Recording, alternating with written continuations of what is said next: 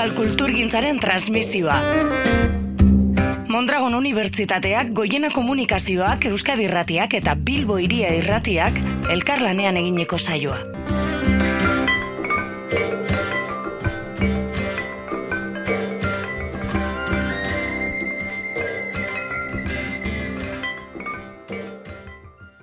Gaur rekate saiora, ekarri dugu Euskal Kulturaren transmisio saiora hain zuzen ere, soziologa bat, humorearen inguruan berba egiteko, uso handuaga da bera, ondarra bitarra, denik eta bain, ungitorri. Eskerrik asko. Humorea ze jardungo dugu, soziologo baten eh, ikuspegitik, Euskalduntasuna zain zuzen ere, ba, horixe izan dalako ba, zure ba, tesiaren eh, izena herribarrez, umore bidezko euskale nazioaren eraketa eh, prozesua, unazteko, zergatik, gai horri heldu, Bueno, e, ba, ez dakit existitzen den, baina intuizio soziologikorik baldin badago pixka bat e, hori izango zen ere erantzuna, ez?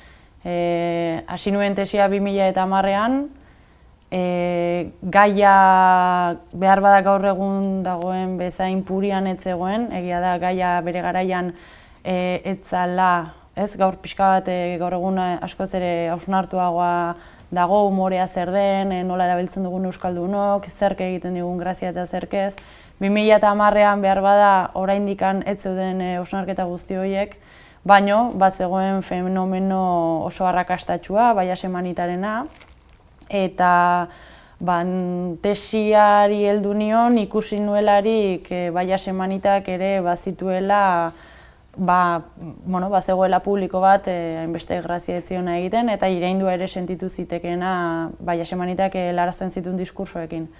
Ordu nuen neurri batean horri ikusi nuen bat zegoela eztabaida bat, zer da umorea, zer da iraina, marra gorrian on jartzen dugun, e, umorearen bitartez edo iraina eta umorearen gatazka horren bitartez e, azaleratzen zen pixka bat zer da niretzat importantea, zer da niretzat banaldezagarria edo sakratua ez den hori, umore ez daukatu ukitu dezakedan hori, eta horrek eh, azaleratzen zuen besterik identitate hauzi bat, ez?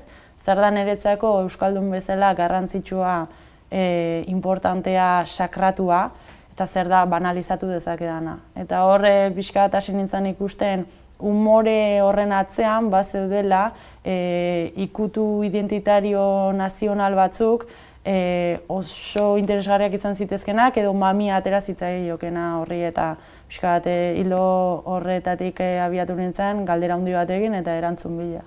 Eta hain zuzen ere, umorea eta politika batu dituzu, hori xezan e, helburua edasmoa, bien arteko lotura, eta diozu, e, hori oinar, e, otara eta kontorien artean, bat dudabarik e, lotura zuzena dagoela, bata bestiarekin, umorea politika dela, diozu.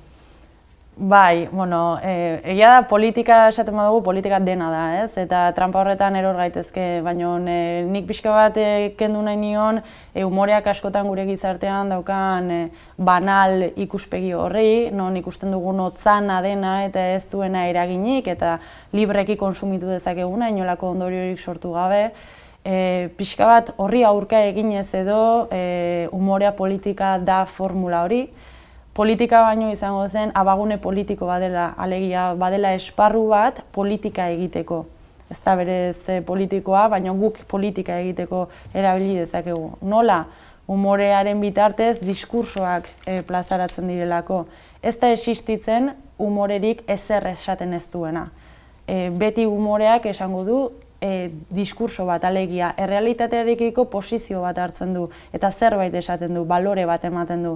Egon gaitezkea do, edo ez, balore horrekin, eta horren ondorioak izango dira gero, ba, bueno, ba, grazia egitea edo irain bezala ikustea. Baina umorea politikarekin lotua dagoela zalantzarik ez. Bai. Nazioa oinarri hartuta diozu e, nazioa ez ezer, ba, irudikatzen ez baldin badugu. Zertzuk bai. dira, beraz, e, modu baten esan da, ba, Euskaldun hone irudikari horriak. Bai, e, bueno, nazioa egia da bada gauza asko, baina e, ni bereziki zentratu naiz e, nazioa irudikari bezala, diskurso bezala ulertzera, e, neurri handi batean Euskal nazioa delako guk Euskal nazio bezala irudikatzen dugun hori. Gure irudikarepenen arabera funtzionatzen dugulako gero errealitatean, eta e, gure nazioa horrela gure praktiken bitartez egiten dugulako. Esan nahi dut, irudikatzen baldin badut Euskal Nazio bat izateko ezinbestekoa dela Euskaraz hitz egitea, eta nik hortean sinisten dut ala irudikatzen dutelako, nire jarduera egunerokotasunean ere ala bideratuko dut, eta ziurrenik Euskara erabiliko dut e, nire praktika ohikoetan, ez? E, kasu horretan, Euskaldunek nola irudikatzen dugun Euskal Nazioa, bueno, umore diskursoek erakitsi dute e, hainbat modu desberdinetan e, irudikatzen dugula Euskal Nazioa. Ez da behar bada goza berdina gertatzen, espainolen kasuan, e, e, ikusten dugun umorean, ez? Zergatik, Espainiak e, badaukalako estatu bat, e, estatu horrek ematen du nolabaiteko pisua eta zilegitasuna diskurso bakar batera norabideatua dagoenean, dagoela, eta e, markatzen da oso argi ze diskurso diren Espainiar naziotasunaren baitan sartzen direnak eta ze diskurso ez. Euskal Herrian eta egin batean estatuaren gabezia hori dagoelako, edo estatu propio baten gabezia dagoelako, e, diskursoak aniztu egiten dira. Mhm. Asko zere aukera gehiago dago, e, zuk naziotasun hori modu desberdin batean e, bizi eta praktikatzeko eta irudikatzeko. Eta umorean hori ere nabaria da, zergatik badauzkagulako korronte desberdinak umorea egiteko modu desberdina. Batzuk indartzen dute e, baserritar euskaraz gaizki hitz egiten duenaren klitxe hori, baina beste batzuk ez, beste batzuk aldarrikatuko dute e, nazio bat garela eta Espainiatik edo Frantziatik desberdina garela, badugula identitate propio bat, segun eta zuk nola irudikatzen duzun nazio bat, e, nazio horrek bere e, paraleloan umore bat izango du, eta ikusi den Euskal Herrian da umore sorta desberdin asko daudela, beraz nazio irudikatzeko modu desberdin asko dago ere bai. Eta hori guztia diozu, pilaka ere historikoa aztertu eta gero, atzera egin deigun, eta bueno, horre adibidez odolaren garrantzia dago, ezta? Bai, odolaren garrantzia gure naziotasunaren irudikarian oso puntu fuerte izan zen, aurrenetakoa ere izan zelako, odola edo arrazaren garrantzia izan zen e, Euskal naziotasunaren formulazioan ardatz gisa erabili zen e, argudio nagusietako bat, RH negatiboarena eta bar, eta neurri batean funtzionatu zuen funtzionatzeari utzi zion arte, ezta? E, ba, baldintza desberdinak tarteko, e, arrazaren diskursoarekin etzen aski izan euskal e, gizarte bat e, naziotasun batera bere ganatzeko, adibidez e, industrializazio garaia tarteko egonik bazegoelako jende asko bere burua euskalduntzat ikusten zuena, baino arrazaren irizpide horreri ezin ziona erantzun, bere gurasoak atzerritarrak edo kanpokoak zirelako, espainolak zirelako, eta e, momentu horretan E, Euskal naziotasunaren diskurso hori non errotua zegoen arraza edo dolean ikusi zen pixkat mugatuta eta bere burua behartuta e, diskurso hori malgutzera, gerria mugitzera eta zabal, zabaltzera edo e, jende berri hori ere txertatua sentitu zedin e, diskurso horretan. Eta berien aipatu duzu indartu egin zela frankismo e, garaian baserritar e, irudi hori. Bai, e, bueno, e, frankismo garaian bereziki in, e, kolpatzen da hizkuntzaren e, e, estereotipo bat, baserritarrarena bazetorren industrializaziotik, e, hor egin zelako nolabait e, hiri herri arteko norgeiagoka bat, eta umorea hasi zitzaion egiten euskal baserritarrari eta bar, baina frankismoak bereziki kolpatzen du hizkuntzarena euskara zuzen ere, denok badakigu frankismoak jarri zitula hainbat e, bueno, oztopo, zailtasun eta lege euskara espazio publikoan ez erabiltzeko, baina bere burruka bat ere bai izan zen e, umore bitartez, euskal iztunaren e, arrotasuna eta sentsibilitatea kolpatzea, e, batetik hizkuntza e, baztertzeko, euskara hitz egiteari uzteko, eta bestetik identitate bat ere kolpatzeko. E, euskara eta e, euskal naziotasun identitateak zuten lotura horretan e, ba, erreten bat e, egiteko eta erreten hori al bezain beste zabaltzeko. Orduan ez da kasualitatea, frankismoak e, hizkuntza hartu izana, euskara hartu izana bere umorea egiterako orduan, txomin regato adibide hon bat da, e, bere helburua zelako neurri batean euskal nazionalismoak garai horretan e, zuen diskursoan ere min egitea eta zartatzea. No zan txomidin el regato? Eh? Nor zan? Txomin lerregato zan e, irrati esatari bat, e, zeinak egin zuen arrakasta handiz e, aldeanoaren figura representatzen zuen, agertzen zen egunerokotasuneko gauzak izan zitezkenen inguruan e, parodia egiten zuen, eta bereziki deigarria da nola hitz egiten zuen, ez? E, grazia handia sortu zuen izan zen, erderaz hitz egiten zuela, ba, ahoskera erreak, eseak, teak, ahoskera horiek e, indartuz, e, euskal doinu bat erabiliaz modu esageratu batean, eta horrek arrakasta handia izan zuen bereziki Bilboko zonaldean, eta bar, e, besteak beste hortzegoelako etorkinek e, kopuru handiena, baina lortu zen neurri batean ere euskal gizarteak asimilatzen joatea eta onartzen joatea e, diskurso horiek, ez? E, onartzen joatea euskararen inguruko e, ba, bazterketa bat, edo Euskararen inguruko klitxe horietan e, sozializatzen eta on, onartzen joatea.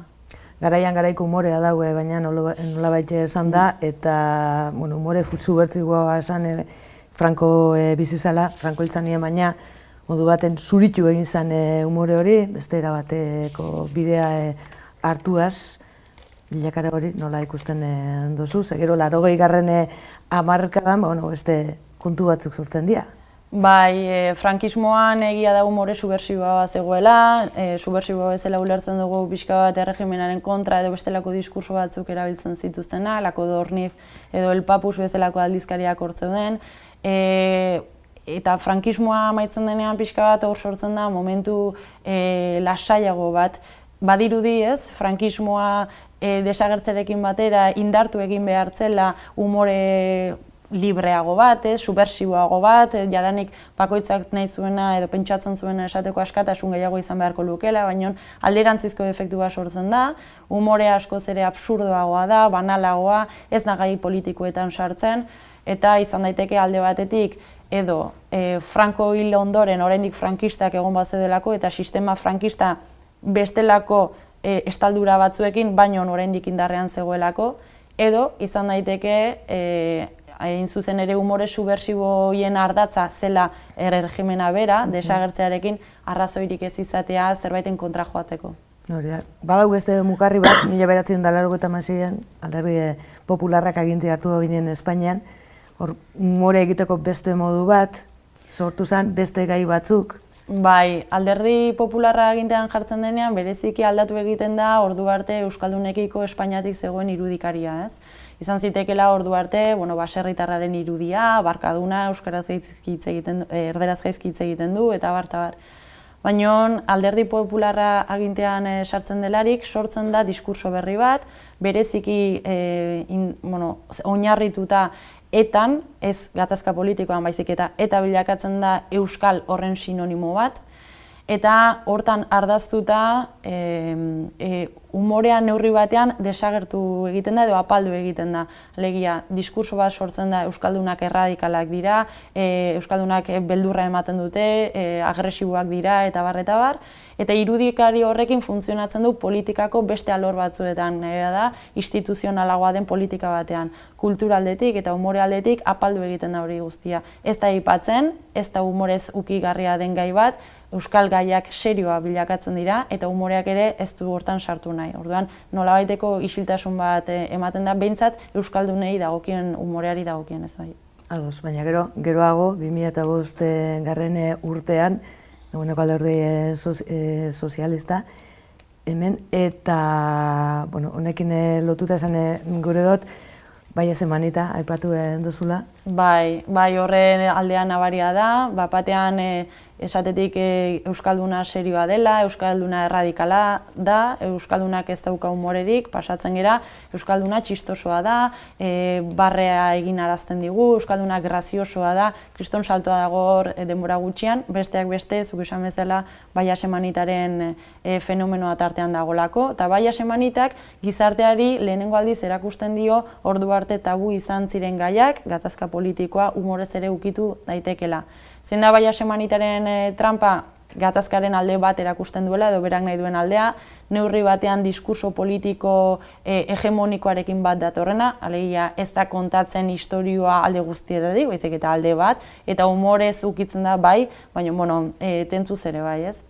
Aldiz, e, onarpen sozial handia, handia izan zuen, e, arrakasta sozial bezala ere ikusi zuen ikustea nola e, gizarteak barre egin zezakeen ordu arte tabuak edo oso latzak ziren gaien inguruan, eta neurri batean e, izan daiteke e, min asko sortu zuen prozesu politiko bat e, bila, bizi izanaren ondorio bezala erakustea e, umorez hau ere egin daiteke.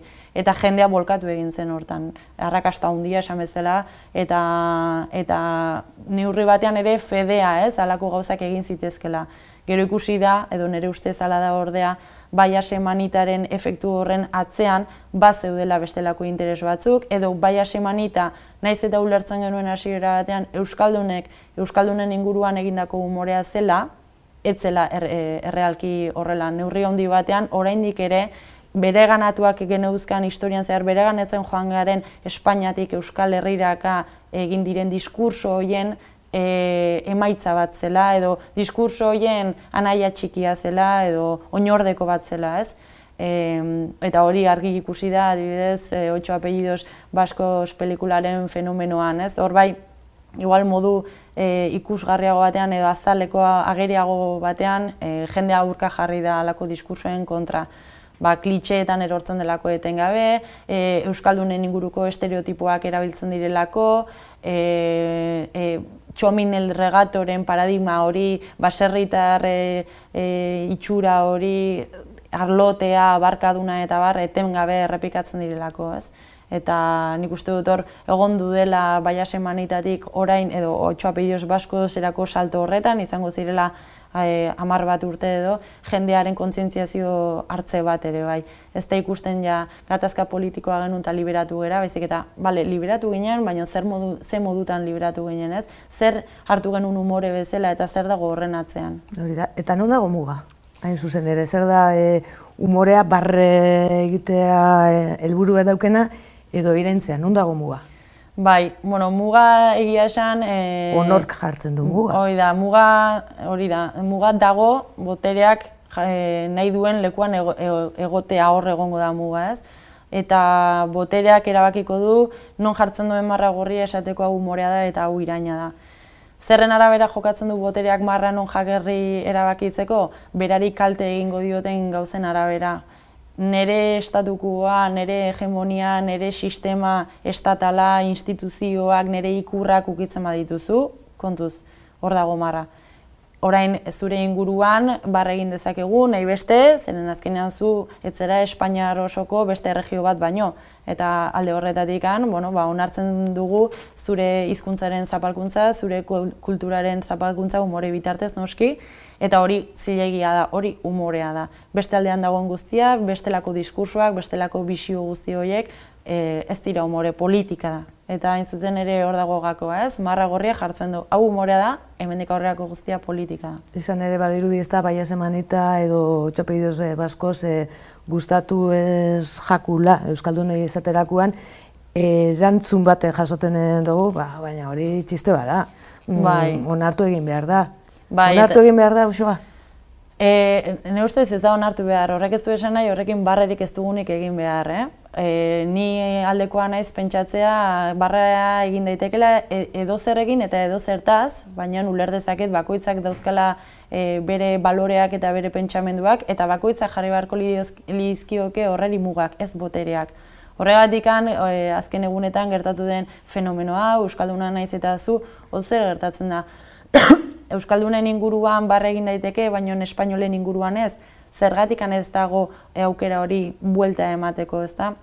E, kasu horretan, e, argi gelditzen da botere harreman bat badagoela, zeinek duen boterea eta zein gelditzen den menperatua, eta eta horre kinka horretan edo kinka horretaz jabetzen baldin magera ez da gutxi.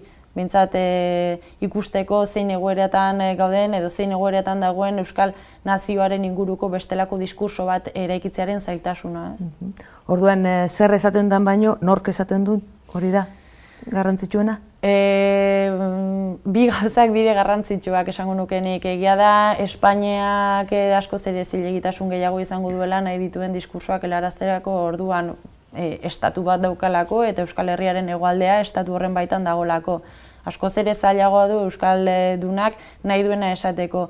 baino e, zer horreri garrantzia emanez, Euskaldunak ez luke inolako trabarik izango, nahi duena esateko, baldin eta berak esaten duena, bat datorren Espainiako estatu kultura e, nazional horrek esaten duenakin. Alegia, bai asemanita esan dezakegu, ez da zer gertatzen baina Euskalduna naiz eta zuen umorea egiten dugu Espainiako ikonoen inguruan, eta hor arazo bat dago. Hortan, ez da bakarrik zer, zeinek esaten du, baizik eta zer esaten den. Eta ondoriak ezberdinak dira dudarik, ze baia zemanitak horre urtietan jarraitu dau, eta barrez Euskalduna naiz eta zu barrez e, bidia etxita.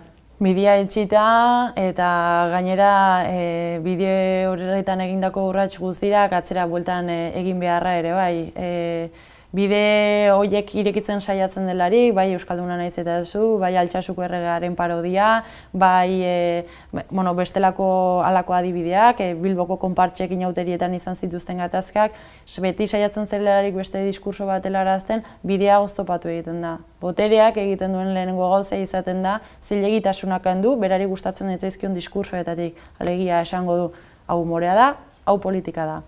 Hori eginda ere ikusten baldin badu arrakasta soziala izaten ari dela, bai audientziak erantzuten duelako diskurso hoiei adibidez, egingo duena da zigorra jarri eta zentsura ezarri. Eta gainera eskatuko duena botereak izango da, ez bakarrik desagertzea, baizik eta egin duzun kaltea ordaintzea, e, ordaindu baino emendatzea edo konpontzea ez, nola barkamen eskatu beharko duzu publikoki. Ez zaitela ausartu zu txikia zaren hori, niri berriz horrelakorik egiten, eta barkamenak eskatu. Eta bizkat prozesu hori nik uste dut argi ikusi dela Euskalduna naiz eta zuren e, dinamika horretan. Eta zure hitzaldian zigarrain bat alditan esan duzu umoreak edo zer zerkatzen e, dauela? Bai, e, zorionez, nire ustez, e, umorea e, espazio sozial desberdinetan, oso desberdinak diren guztietan aurki daiteke, esfera sozial desberdinetan, e, berdin du klase, maila, lanbide, harreman sozial interakzio, ia guztietan badago beti ere umorea. Batzuten izango da klandestinoagoa, esan nahi zuk zure e, jefearen inguruko umorea egin dezakezu, baina ez bihar bada bere aburrean, baina horrek existitzen du. Eta umorearen abantaila hori da hain zuzen ere, leku guztietan dagoela eta oso errez zabaltzen dela. Beraz, zuk baldin badaukazu mezu bat helarazi nahi duzuna, jende artean e, barraiatu nahiko zenuena, umorea erabili. Zen gurke egiten dugun lehenengo gauza umorea dugunean da barre eta gero partekatu eta e, zabaldu egiten da hori oso azkar. Orduan, neurri batean arma edo erraminta politiko oso ona da horregatik lortzen duelako ia filtro hori jarri gabe diskurso bat onartzea eta diskurso hori segituan helaraztea.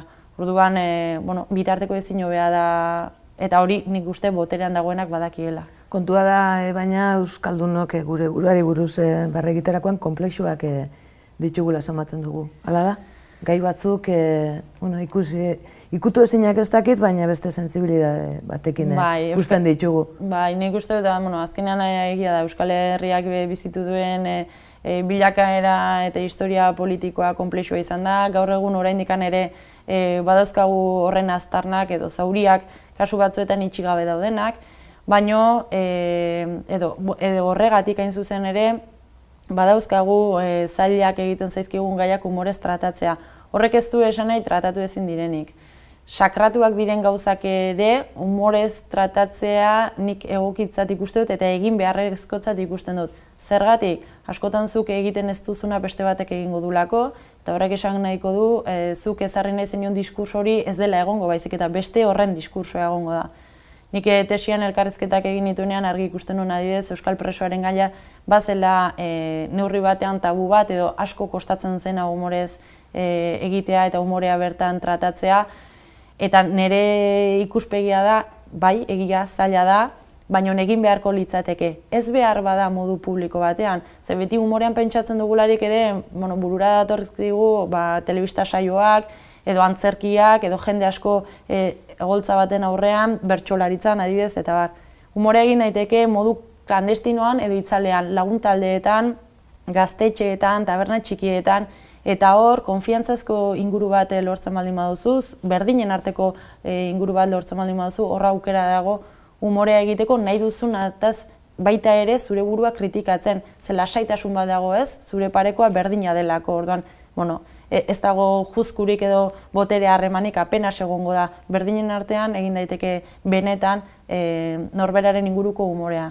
Eta ez, askotan esan diguten bezala, Euskaldunak Euskaldunen inguruan umore egiten zute baia semanitaren bitartez.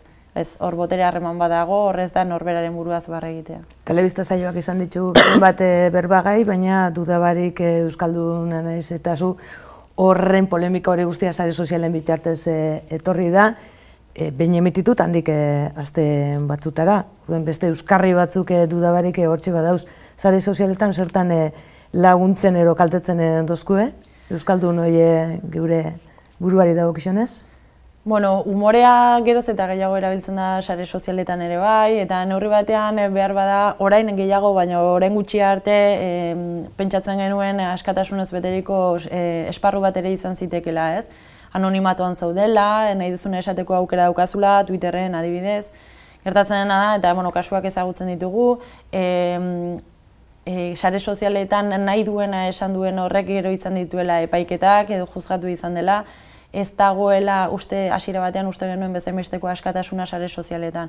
Sare sozialek dudai gabe eskaintzen dituzte telebista batek edo antzerki batek emango ez dituen baldintza batzu, azkarre datuko da, jende askori iritsiko zaio, bere alakotasun bat dago, ederra da hori. Baina aldi berean ere e, kontuan izan behar da begi asko begiratzen duen dituen esparru bat dela eta hortan ere badaudela marra gorriak, e, hortan ere botereak baduela esku hartzea eta hortan ere kalean bezala badaudela zentsurak, barkamenak eskatu beharra eta norberak e, bere burua autozensuratu beharra ere bai. Eta aurrera goiaz edo atzera goiaz usua? Humorean, bueno, nik uste dut beti aurrera zela, ez? Eta igual bilakaera historikoak hori erakusten digu, ez? Nola junden aldatzen, guk erabili dugun umorea, e, euskal nazionalismoak erabili dituen diskursoekin lotuta eta nola euskalduntasuna ulertzeko izan ditugun manerak eragin duten edo sortu duten umore estilo bat. Nik uste aurrera zela ulertuta termino historikoetan, bueno, aurrera urratsak ematen ari dela eta bagoaz egiten dugu alduguna ziurrenek eta bagoaz. Eta e, Euskalduna naiz eta zu bezalako polemikak edo altxasuko erregeguna berrez diote bezalako polemikak nik uste dut egokiak direla batetik kontzintzia hartzeko zer gertatzen ari den, nolako zensura edo ezarpena, botere ezarpen bat dagoen esparru horretan ere bai, eta behar bada animatzeko jendea hortara. Esan dute, bueno, ben konturatzen zaleraik paretan on dagoen, pareta saltatzeko edo galdintzeko bestelako bide batzuk e, topatze aldera, ezta? Ordan, bueno, nik uste honek guztiak balio duela aurrera joateko. Tesia amaitu edozu, baina pentsatzen dut, eta azken alian e, datozen gertakari honeik e, gogorakarrita, ikertzen jarraituko dozula. Bai, gustatuko litzaidake, e, humorearen gaiak azkenean zuku asko dauka, posten naiz e, tesi hasi eta sei urtetara neurri batean alako kasuak gertatzea, zeren azkenean ikusten duzu, ez, e, egunean dagoen gai bat dela. ez? Bai, eta bizirik dagoen gai bat dela. Eta, bueno, ba, balio baldin badu honek e, oinarri bezala aurrean zean gertatuko diren gauzak aztertzen joateko, bikaina litzateke bai. Hoxo, handuaga, eskerrik asko, placer bat. Eskerrik asko zuei. Urren arte. Bai, aio. Euskal Kulturgintzaren transmisioa. Mondragon Unibertsitateak, Goiena Komunikazioak, Euskadi Irratiak eta Bilbo Iria Irratiak elkarlanean egineko saioa.